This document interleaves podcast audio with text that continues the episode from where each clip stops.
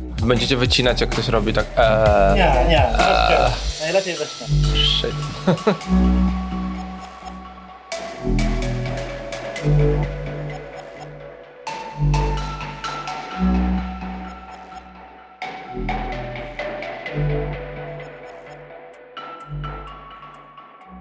E, Kuba, czemu ty się tak temu przyglądasz? Czemu ja się temu przyglądam?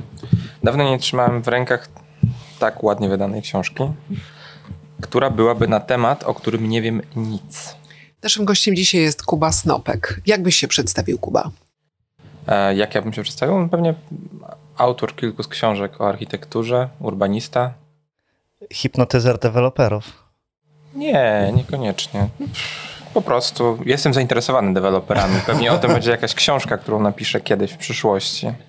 No dobra, ale już zaczęliśmy właściwie od em, tej książki, która cię tak zaintrygowała, więc spróbujmy o tym więcej powiedzieć. E, Czemu cię tak em, głodni zielonej Warszawy, przewodnik po dzikich, jadalnych roślinach stolicy e, zainteresował?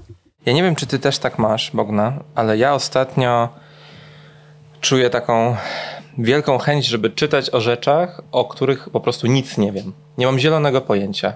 E, Jakiś kraj, o którym w ogóle nie myślałem, że, że, że, że, że, mógłbym poczytać coś, e, co pochodzi z tego kraju, nagle okazuje się, że to jest niesamowicie interesujące. I tak samo tutaj. Rośliny mlecz, tak?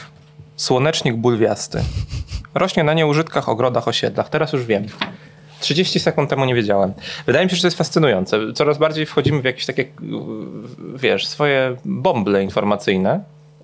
Wy, wy, Wychodzimy z niej. Nie, właśnie wchodzimy, więc coraz, jeżeli ktoś jako powiedzmy urbanista w 2003 roku zaczął się czymś interesować, to jest coraz bardziej urbanistą, coraz bardziej go to otacza i coraz bardziej rozsuwają się wszystkie inne tematy i nagle po prostu no, znajdujesz coś zupełnie nie, nie ze swojej bajki. To jest bardzo interesujące. Ym, Tutaj Łukasz trzymasz tak książkę, ym, przy okazji której trochę się poznaliśmy też, Kuba. To jest twój debiut, y, czyli wy, wypowiedz to prawidłowo. Bielajewo. Zabytek przyszłość. No dobrze. Y, mm, Ta publikacja jest y, trzecim, trzecią wersją językową wersji oryginalnej, która powstała podczas mm, Twojego pobytu w Moskwie, ponieważ ważną e, Twoją umiejętnością, o której dzisiaj mam nadzieję sporo porozmawiamy, jest to, że swobodnie czytasz i mówisz w języku rosyjskim. Więc To, jak się okazało, jest e, bardzo oryginalną umiejętnością w Warszawie. E, ja mieszkam w Warszawie od roku, no, wcześniej mieszkałem też, e, później wyjechałem, mieszkam od roku. E, I za każdym razem, kiedy odpowiadam w języku rosyjskim ekspedientce, taksówkarzowi i wchodzimy w jakąś niewielką dyskusję, okazuje się, że oni są przekonani absolutnie, że ja jestem z, z Rosji, Ukrainy, Białorusi. Nie mogę być Polakiem. Oni nigdy, nigdy w swoim życiu nie spotkali nikogo w Warszawie, kto potrafi powiedzieć trzy słowa po rosyjsku. Może kłamią, ale może tak rzeczywiście jest. E, I wydaje mi się to niesamowicie interesujące, dlatego że e, tak strasznie dużo ludzi tutaj przyjechało. To jest tak różnorodna grupa. E, oni przywieźli ze sobą tyle różnej kultury. E, I to dla wielu, wielu warszawiaków jest niedostępne. No to jest pewien, e, pewna sytuacja, nad którą ja się na przykład zastanawiam mocno. 16 lat nauki języka rosyjskiego. Mm, I co? W szkole. No w szkole. Ja miałem Ale to religię jest, w szkole. to, jest sama, to jest ta sama kategoria, wszystko jasne. Dobra, czyli y, wróćmy jednak do książki, okej? Dlatego, że mm, wydaje mi się, że ta książka jest cały czas do odkrycia tutaj w, y, w Polsce, y, do przegadania, do przeczytania, do pozastanawiania się. Jest to z mojej perspektywy, kiedy ja o niej myślę i kiedy o niej opowiadam innym ludziom, jest to y, mm, piękny, mm, rozbudowany esej polegający na zebraniu y, kilku kluczowych informacji z różnych dziedzin o niewielkiej, em, niewielkim osiedlu moskiewskim, które pokazuje. niewielkim. No dobra.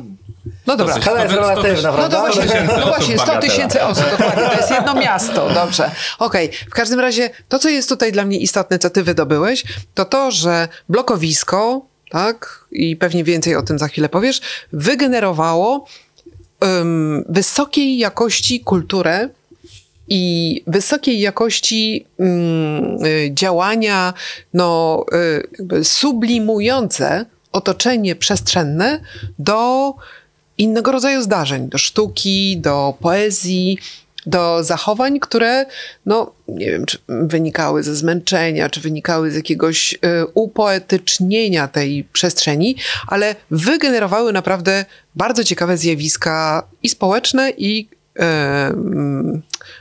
kulturze. No i teraz y, za, i dodatku jeszcze tutaj masz taki postulat, żeby uznać ym, taki zabytek przyszłości. To jest zresztą tutaj podtytuł tej twojej książki. Jak to było z tym Bielajewem i czym to się właściwie skończyło, bo jesteś kilka lat po, po debiucie. Co się stało z, tą, z tym osiedlem?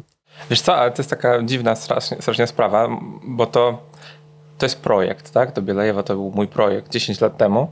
A jak się patrzy zazwyczaj na swoje projekty stare, to jest takie, takie może się powiedzieć, uczucie zażenowania, e, że o Jezu, co ja tam sobie myślałem te 10 lat temu, się moda zmieniła nagle. Ale w przypadku akurat tego, e, ja się zawsze uśmiecham, dlatego że to był po prostu bardzo fajny projekt e, i dla mnie ta książka jest głównie zapisem takiej jazdy bez trzymanki. To był po prostu research, ciekawość mnie wiodła. Spotykałem jedną osobę, drugą, odkrywałem, trzecią, czwartą, No dobra, ale piątą. poczekaj, ten research to prowadziłeś y, jednak, Tak, będąc w pewnej... Tak, tak, była jakaś tam struktura. sytuacji szkolnej. Jakaś, jakaś sytuacja szkolna.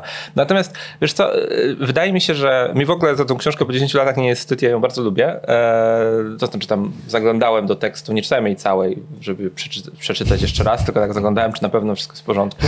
E, I dla mnie to jest przede wszystkim jakaś taka trochę obrona tego, tych blokowisk, że jakieś takie ty wcześniej użyłeś słowa kolejny myślenia, że wszyscy myślą w sumie tak samo, że jak, no trzeba, trzeba to odbudować, pałac Saski, no może nie, a, a, a tam kamieniczki czerwone, tam cegły i tak dalej.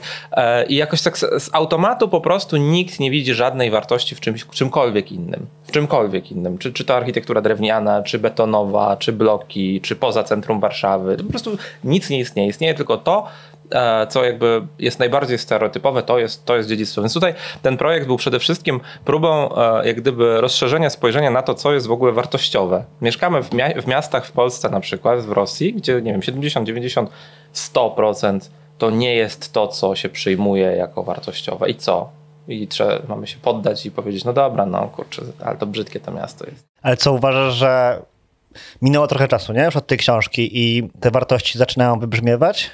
No ja mam wrażenie, że wszystko, co zostało tutaj napisane przeze mnie, w jakiś sposób się sprawdza. To znaczy, ja uważałem, że blokowiska mają sens. I to było wszystko tak napisane trochę trochę naiwnie prze, przeze mnie, tak? Że, że na przykład ja wtedy pisałem, że kurczę, ci architekci z lat 60. to tak myśleli o tym krajobrazie pomiędzy, pomiędzy blokami, że zostawili tak strasznie dużo zieleni. Jakoś tak intuicyjnie mi się wydawało, że to jest bardzo dobrze.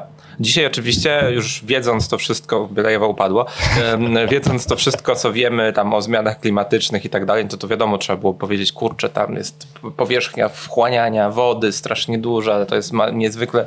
E, więc tam jest dużo takich właśnie rzeczy, które jakoś tak intuicyjnie e, mi się wydawało, że są no, prawidłowe. E, po prostu oceniałem to jako nie do końca zły projekt, tak? Że, że, po prostu zbudowano osiedle. Czy na pewno to jest złe? Nie. Spróbujmy na to popatrzeć, e, nie wiem, e, po prostu przychylnym okiem i nagle się okazało, że e, i ta architektura nie jest taka zła, i tam strasznie dużo kultury, i w ogóle ludzie lubią to miejsce. Jak im tylko powiedzieć, że to nie jest takie złe, to oni się przestają tego wstydzić.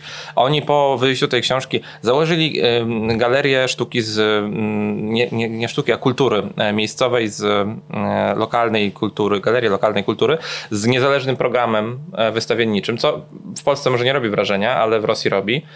Do dzisiaj oni cały czas coś robią. Praktycznie co roku się pojawiają jakieś rzeczy związane z, właśnie z, z, z tymi odkryciami z książki.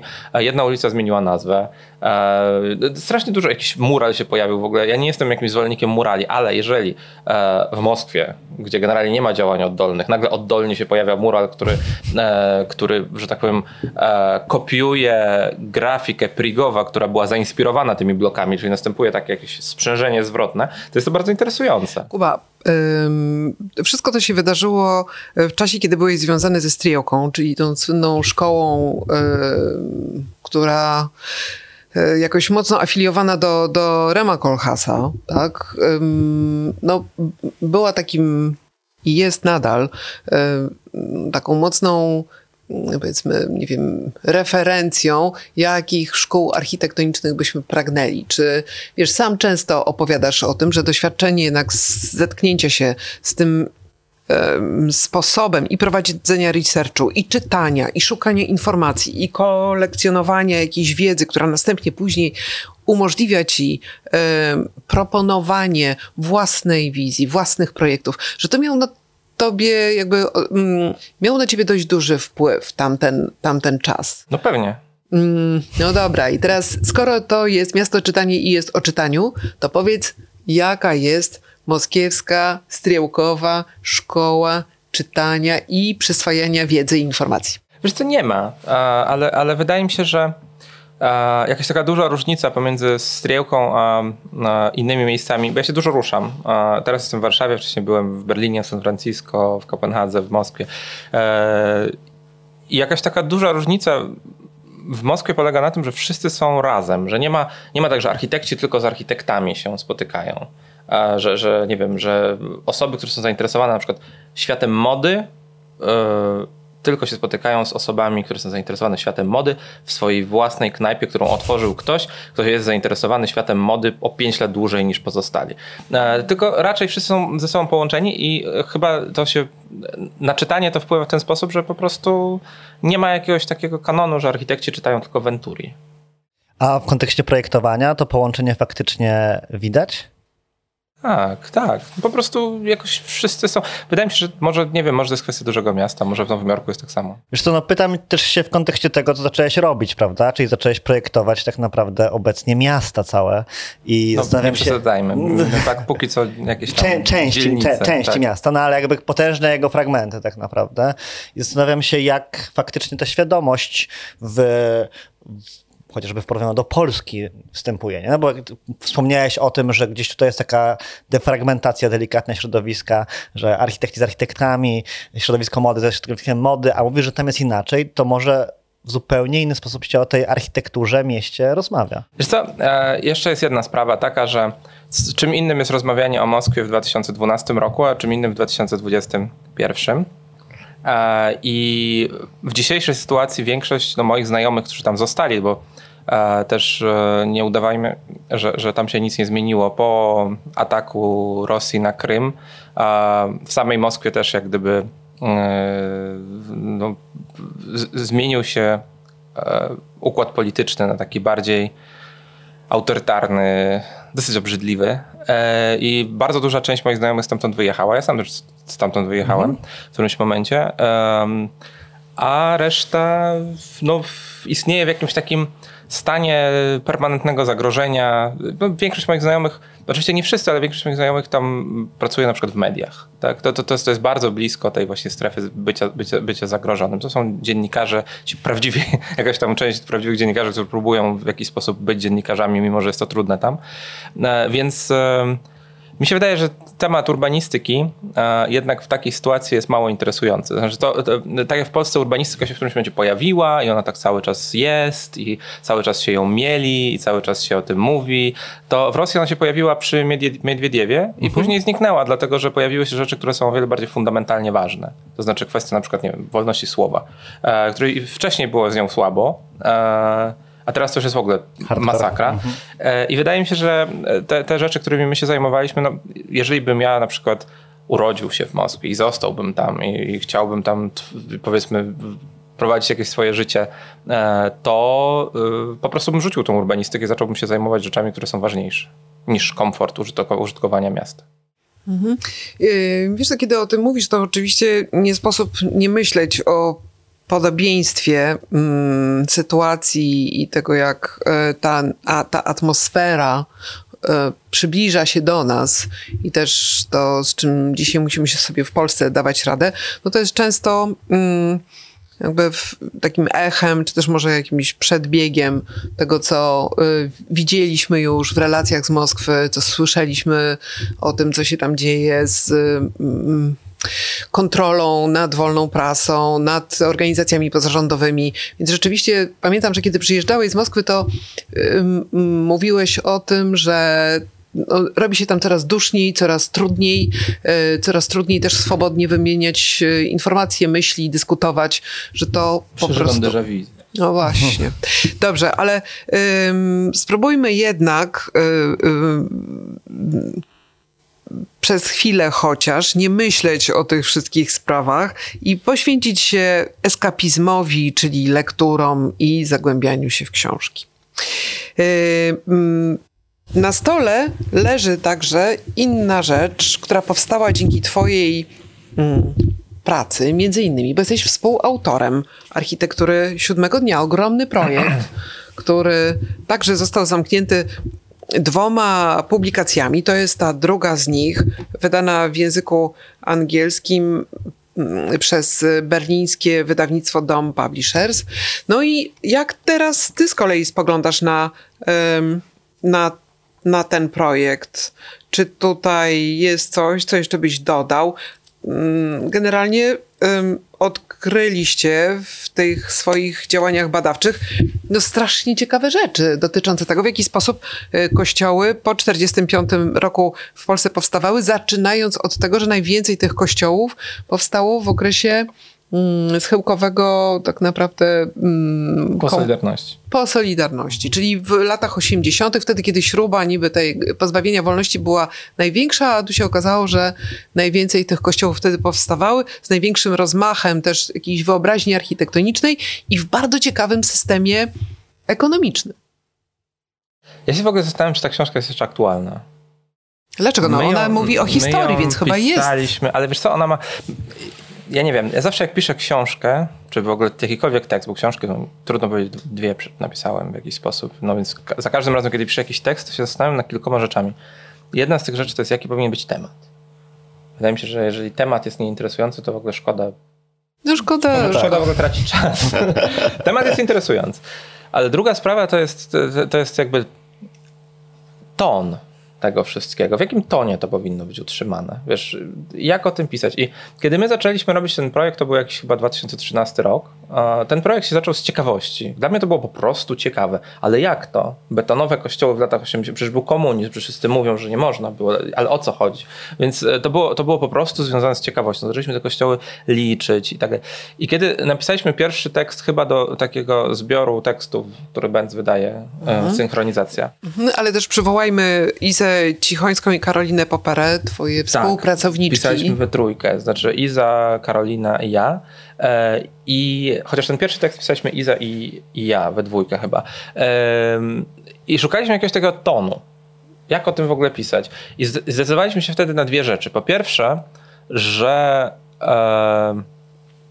że nie będziemy nic wymyślać, tylko będziemy, będziemy e, pisać tak absolutnie sucho o tym, co się wydarzyło, wydarzyło. Dlatego, że ten temat jest tak absurdalny, e, zaczynając od samego początku, tak, że po prostu podczas komunizmu zbudowano tylu, tyle kościołów, że trudno je policzyć, e, że, że tutaj nie ma co upiększać, nie ma co szukać jakichś wyrafinowanych słów albo metafor, tylko trzeba bardzo sucho po prostu przedstawić fakty. Na to się umówiliśmy.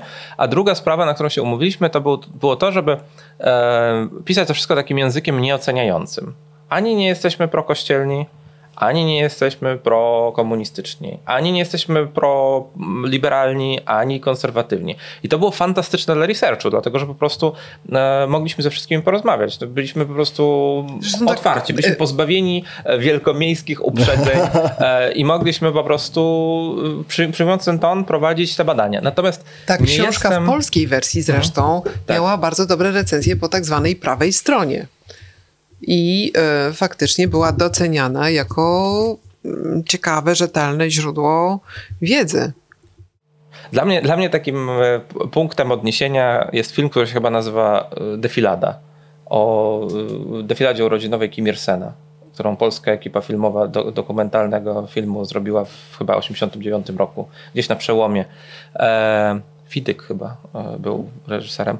E, I to, to jest dla mnie po prostu punkt odniesienia absolutny, jeżeli chodzi o ton, właśnie taki. To znaczy e, zupełnie faktograficznie po prostu podchodząc, pokazujesz, co się dzieje i w żaden sposób nie wchodzisz w żadną, w żadną taką emocjonalną, e, taki emocjonalny ton, ocenę i tak dalej.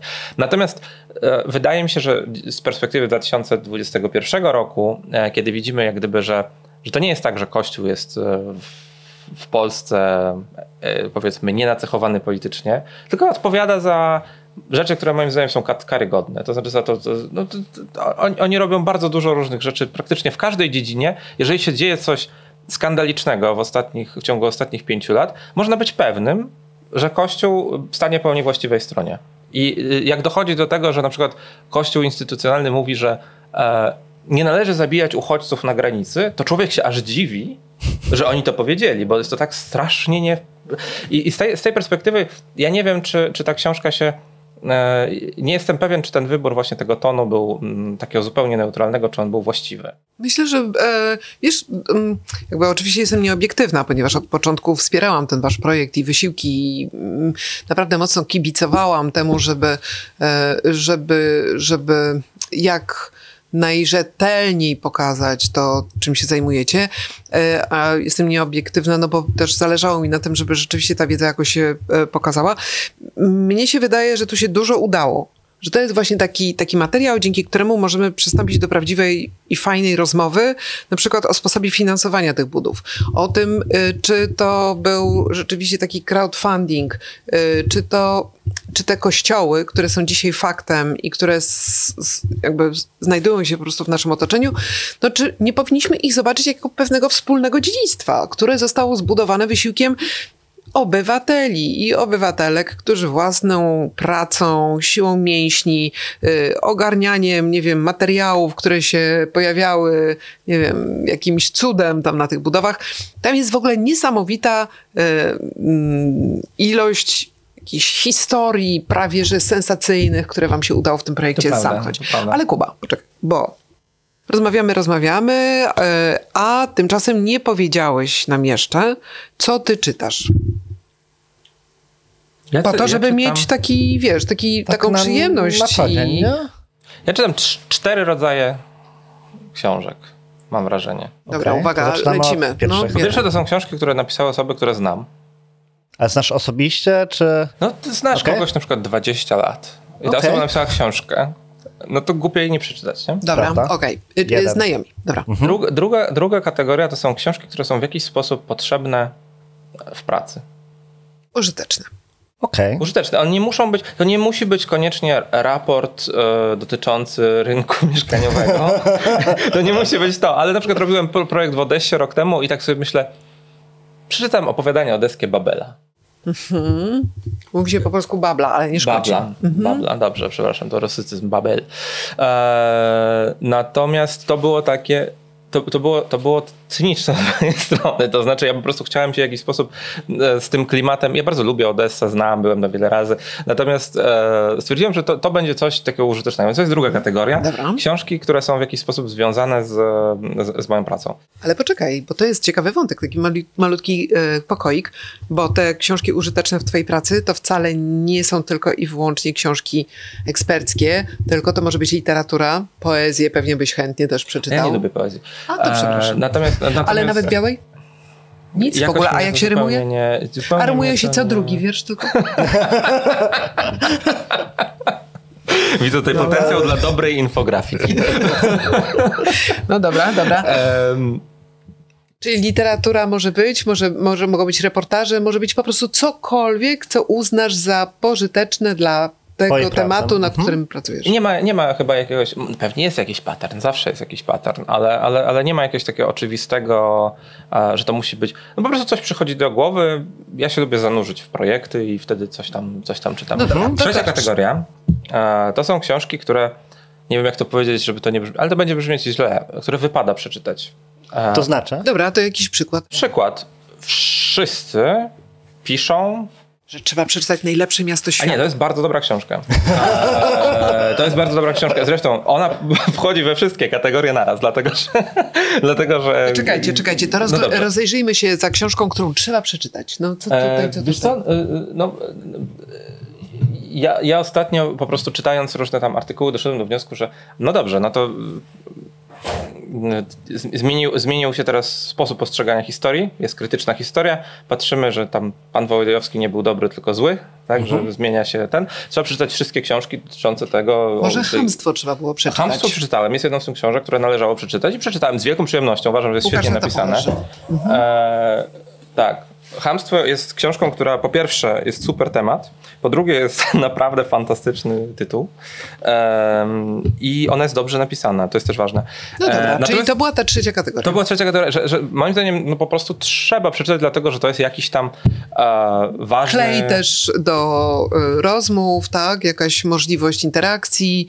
Jesteś, masz takie wrażenie, że uczestniczysz w czymś więcej niż tylko swój własny, prywatny mm, świat przemyśleń, Słuchaj, ale że możesz z kimś pogadać. z Olsztyna, prawda? No ja jestem z. Wrocławia. Na, na każdym kamieniu było napisane byliśmy, jesteśmy, będziemy.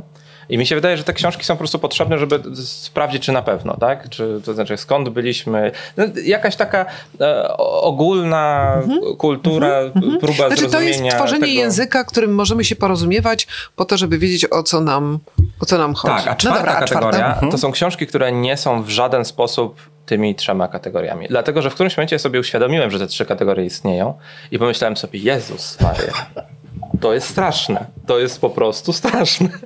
Dobra, I to- wtedy, ale- i wtedy pojawiła się, pojawiła się y, czwarta kategoria. I czwarta kategoria to, jest, to są książki, które po prostu w żaden sposób Nie wchodzą nie w to. wchodzą w te trzy. I to, to ma niesamowite konsekwencje, dlatego że e, pierwszą konsekwencją jest to, że to nie są książki naukowe. E, Jeszcze kilka lat temu, jak pisaliśmy właśnie z Izą i z Karoliną Architekturę Siódmego Dnia, mam takiego znajomego, który jest, e, on kiedyś powiedział, że jego trzy pasje to jest architektura, muzyka i motoryzacja. E, I on powiedział mi wtedy, wiesz co, ja nie przeczytam tej waszej książki, bo ja mam takie wrażenie, że wszyscy piszą jakby swoje PhD. Ja to bym dobrą taką opowieść przeczytał, a nie jakieś tam ko- kolejne tam pseudonaukowe bajania. Ja sobie myślałem, kurczę, on ma rację. Em, I, e, i, I właśnie ta czwarta kategoria to są książki, które są po prostu opowieścią uniwersalną. Nauka ma to do siebie, że to jest przecież ojcobójstwo. Cały czas. Ten powiedział tak, to ja powiem na odwrót.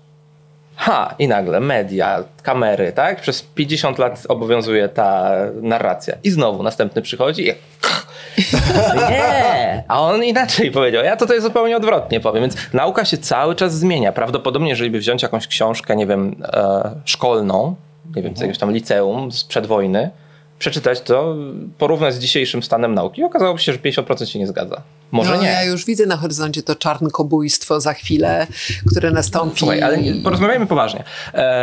Nie Poważnie? No, sorry, ale to jest rzeczywistość e, ogromnej części naszej populacji, która chodzi do szkoły ja i musi się z tym Ty byłaś w konfrontować. szkole, ty byłaś na ile? 17 lat się uczyłaś rosyjskiego? Ja Dobra, byłem ile lat na religii? Ja myślę, że wszyscy uczniowie mają w genach. Mają swoje... E, jak gdyby walczenie o swoje. Nie będzie Okej, żadnego dobra, no to wróćmy. E, no więc, więc czwarta kategoria to są na pewno książki, które są pewnego rodzaju opowieściami, e, które napisały osoby, których nie znam.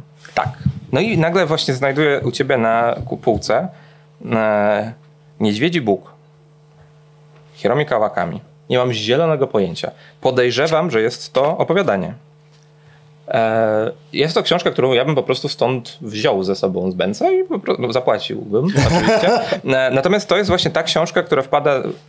Zresztą e, właśnie otworzyłem ją na stronie 30. E, Strona 31 z prawej strony jest napisana w języku polskim, a 30 w języku japońskim. Dobra, kompletnie intrygujące, Pokażmy, co? intrygujące. Pokażmy to, tak? No, to się bardzo cieszę, dlatego że ostatnio w księgarni Benca pojawiła się dość znacząca półka z literaturą. I stoi na niej, oprócz oczywiście Stanisława Lema, taka selekcja książek, które dla nas są istotne właśnie z tego powodu, że wybijają z jakiegoś e, rytmu, pozwalają wyskoczyć w ogóle no w ogóle niszczą nasze dobre samopoczucie i tu Italo Calvino y, jest takim mocnym nazwiskiem. Przed tobą, cały czas do odkrycia widzę. Hmm. No dobra, no może zaraz tutaj ci zaprezentuję. Ale posłuchaj, są te cztery kategorie i my też bardzo się lubimy pytać o to, gdzie czytasz i jak czytasz i czy różne, czy te kategorie różnią się od siebie w twoje, czy te praktyki, ta, tak? Tak. To Wydaje gdzie? mi, się, wydaje mi się, że one się różnią na inny sposób. Czytam Gdzie czytasz? w samolocie tak. albo no. w pociągu. To jest, to jest dosłowna odpowiedź. Tak. Gdzie czytasz? Tak. Tak. W samolocie albo w pociągu. Dobra. Pewnie w łóżku, jak wszyscy. Mhm. Ale najbardziej lubię czytać w samolocie i w pociągu. Taka jest prawda. Dobra. Czyli w ruchu. Ale w ruchu. Po, potrzebny ci jest y, ten... Bieguni. No właśnie. Biegunów swoją drogą czytałem siedząc. siedząc po prostu na tyłku, nie ruszając się. Coś się musi ruszać, albo książka, albo ja. Ciekawa koincydencja, no. No dobra, to jest, y, to jest interesujące, ponieważ to y, się też powtarza. W, y, w, Powtarza się ten ruch, nie? Prawda? Już tam się pojawił Że w zeszłym jest roku. w ruch. roku. że- tutaj... Badania, badania. Jest potencjał na jeszcze jedną inf- infografikę. Tak. Je, oczywiście, słuchaj, że oprócz, oprócz ruchu i tego, że przemieszczając się czytasz, jest też mocnym mm, elementem wspierającym szum kawiarniany, szum otaczających cię ludzi, ale ponieważ ja wiem, że masz specjalne słuchawki, które cię y, chronią przed dźwiękami z zewnątrz, to raczej stawiałabym na to, że lubisz ciszę przy lekturze. Niekoniecznie. Nie, chyba to nie jest. To nie jest żadne. Ale wiesz co? Ale mam wrażenie, że różnią się te kategorie w zależności od tego, w jakim języku czytam. Dlatego, że jeżeli czytam po polsku, to to jest zazwyczaj kategoria numer, chyba to było trzy, tam gdzie właśnie wchodzi hamstwo, żeby mniej więcej wiedzieć, co się dzieje, tak? gdzie jesteśmy. Jeżeli to jest związane z, z, z, z profesją, to poza jakimiś takimi dziwnymi właśnie przypadkami, jak z tym, jak, jak z tym bablem, to jest angielski. A, a ostatnia kategoria, czyli ta y, jakaś tam niespodziewana, to jest albo angielski, albo, albo e, rosyjski. Więc wydaje mi się, że tu może być taka, ta, takie rozróżnienie, ale nie jestem pewien. Ale to ciekawe, to znaczy, że twoje lektury w języku polskim to mm, tak naprawdę mają taki cel, żeby utrzymywać kontakt. Kotwica. Kotwica Mhm. po prostu, żeby, żeby wiedzieć, co się dzieje. Temperaturę, taki termometr. To Badać, y, czy wszystko jest w porządku. Dobra, no dobrze, ale Kuba, czy w, w tym natłoku swoich różnych e, pasji, zainteresowań, teraz pracy zawodowej i naprawdę fajnie ym, rozkręcającej się twojej działalności ym, powiedzmy profesjonalnej, czy ty masz czas na to, żeby pisać? I co piszesz? Wiesz co, mam mało czasu, ale nie wiem, dla mnie to jest bardzo ważne właśnie, żeby pisać i próbuję różne rzeczy pisać. Znaczy już wiemy, Dla- że poezja to nie jest. Nie, nie, to nie, to, to, to, to, to nie próbowałem, rzeczywiście nie, nie, nie było takiego, e, nie było takiej próby. Natomiast e, na przykład napisaliśmy, e, ja bardzo lubię ostatnio pisać parami. To jest coś niesamowitego, pisanie parami. Nie wiem, czy ty kiedykolwiek pisałeś parami? Nie, nie, nie pisałem parami. Ale, Ale, to że ty, na ale że ty na jeden rozdział, a ktoś drugi, Albo czy razem? akapit? Ja prowadzę, ja prowadzę taki um, kanał na Telegramie. Telegram to jest. e, A wiem, co to jest Telegram, bo jest teraz af- afera z Dworczykiem. No to jest taki, taki WhatsApp. Em, I tam się prowadzi kanały, czyli powiedzmy to jest coś jak odpowiednik Twittera. E, I prowadzę właśnie kanał na Telegramie w języku rosyjskim o w mieście. E, I mam koleżankę, która prowadzi inny kanał, który jest e, bardzo podobny e, do mojego pod względem takiego tonu, natomiast on jest poświęcony brutalizmowi. I wydawca Zupa Grafika poprosił mnie, żebym napisał wstępniak do ich książki o modernizmie, brutalizmie ze, z Berskijowa czy ze wschodu. Em, ja powiedziałem, słuchajcie, no ja się jakoś nie, nie czuję tutaj osobą, tak, to chyba nawet do tej książki. E, natomiast jego tam nie mam, teraz powiem dlaczego. E, nie, czuję się, nie, czuję się, nie czuję się osobą, która, która może to napisać. E, Natomiast e, mam właśnie koleżankę, która może to zrobić, bo ona właśnie pisze o tym kanał. I ona powiedziała, wiesz co, mi się ten pomysł podoba, ja bym mogła napisać ten wstępniak, ale wiesz, ja jestem z Rosji ja się czuję, ja się czuję jakoś niespecjalnie dobrze z tym, żeby to pisać samemu, dlatego, że to taki imperializm, że co, znowu Rosjan pytają o ten brutalizm, Niech, no, jakoś to będzie nieelegancko wyglądać, że, że, że, że, że dlaczego ja? A ja mówię, to napiszmy razem. Będzie taka współpraca y, przez żelazną kurtynę po prostu. Podamy sobie ręce, napiszemy razem. I zaczęliśmy to pisać w ten sposób, że najpierw się zastanowiliśmy, co chcemy napisać. Napisaliśmy plan. Później ja zrobiłem pierwszy szkic. Ona go zupełnie skrytykowała i przepisała któreś fragmenty. Ja skrytykowałem i przepisałem inne. Zrobiliśmy takich iteracji chyba z 15 i wyszedł tekst, który moim zdaniem był fantastyczny, ale nie, nie spodobał się wydawcy i poszedł do szuflady. Natomiast e, e, frajda z pisania tego była niesamowita, dlatego że ja codziennie wstawałem, zawsze wstaję około siódmej, e, żeby zacząć pracować. Tutaj wstawałem o szóstej i pierwszą godzinę po prostu czytałem i pisałem. I później e, tak co dwa, co trzy dni właśnie taki, taki maraton tego pisania. To było naprawdę, naprawdę fajne. Od czego e, z, zaczyna dzień e, Kuba Snopek, to już wiemy. E, Nie, zawsze. ale nie zaczynasz od lektury. Od pisania. Zaczynasz od myślenia. Bardzo mm, oryginalnie. Natomiast y, to, co chcecie zapytać, to to, czy myślisz o upadku wielkich firm deweloperskich w Chinach? Chociaż trochę. Nie. W ogóle, co o tym myślisz? 300 miliardów w plecy? Ja mam takie wrażenie, że im więcej wszyscy mówią o Chinach, tym mniej wszyscy tak naprawdę wiedzą, co tam się dzieje. Ja nie wiem, ja byłem w Chinach trzy razy albo cztery razy e, i za każdym razem robiły na mnie wrażenia, wrażenie miejsca niesamowicie skomplikowanego, głębokiego, interesującego, jakiejś takiej po prostu fascynującej kultury, do której po prostu nie mam żadnego dostępu.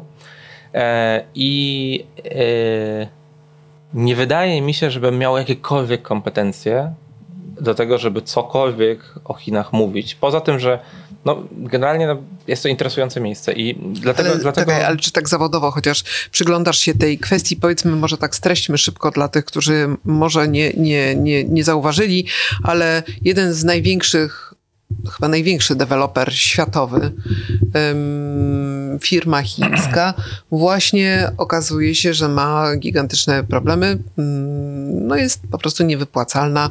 Em, 300 miliardów dolarów nie, po, nie posiada po prostu tej kwoty. Zdaje się, że rząd chiński spodziewa się, że właściciel y, zapłaci to z własnego majątku. Mm, No i jest to jakiś taki y, przypadek, który każe się temu przyglądać troszkę baczniej, bo wiadomo, że wszystkie duże kryzysy finansowe, one jednak są mniej lub bardziej połączone z tym, co się dzieje na rynku nieruchomości.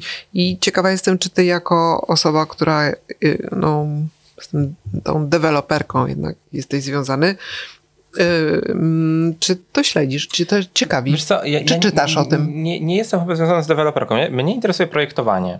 E, Ja się zajmuję w tej chwili pracą z różnego rodzaju deweloperami, Ale czekaj, dlatego ale że... też studiowałeś tę deweloperkę. Tak, ale właśnie dlatego, że, dlatego, że interesuje mnie projektowanie. Mi się wydaje po prostu, że e, jakby sprawczość architektów jest e, przeszacowana.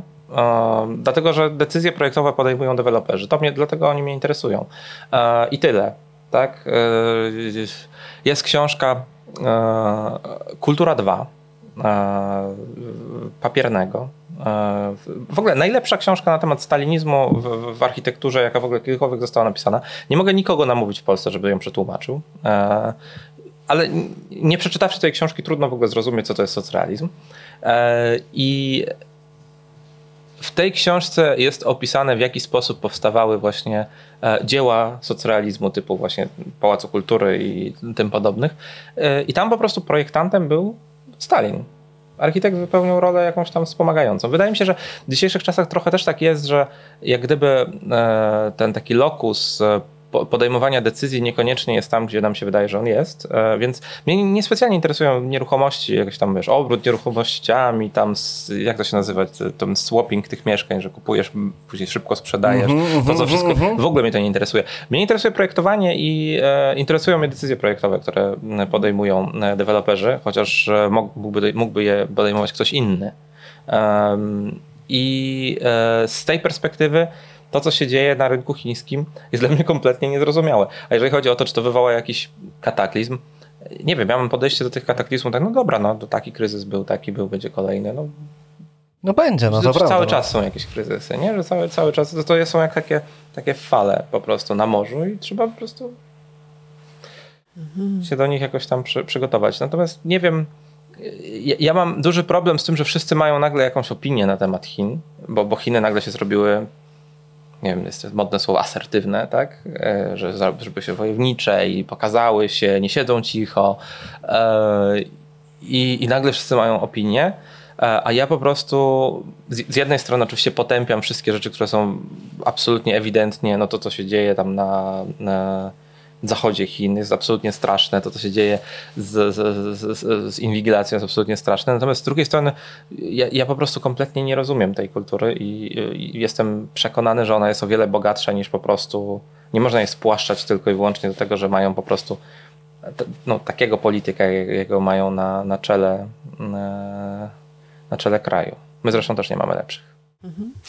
No, y, to był bardzo ciekawy odcinek Miasto Czytania.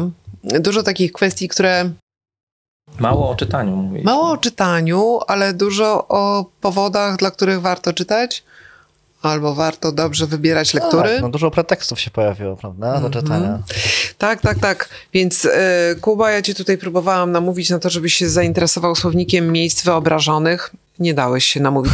E, pokazałam ci archikod Czesława Bieleckiego z rekomendacją nawet Marcina Wichy y, na okładce. Też się nie dałeś namówić.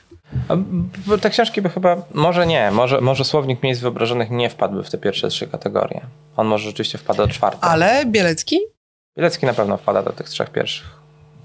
No dobra. To w takim razie y, za chwilę przeanalizujemy tutaj zawartość naszej księgarni pod kątem tych czterech kategorii. Zobaczymy, co tutaj Trzeba się... te półki podzielić na te Półki, cztery tak. prostu, Właśnie, no. właśnie, może być To nie był rubrykator. To nie był To nie rubrykator? był rubrykator. To, to bardzo szybko to zostało wymyślone teraz. Mhm. em, spontanicznie, więc możliwe, że to jest bardzo zły podział. Zaraz to będziemy sprawdzać. Zaraz to sprawdzimy, tak. Dziękujemy Ci bardzo Dziękuję za bardzo. tą Jakie rozmowę. dzięki za wizytę. No i wszystkim miłej niedzieli życzymy, prawda? No raczej. Miłej niedzieli.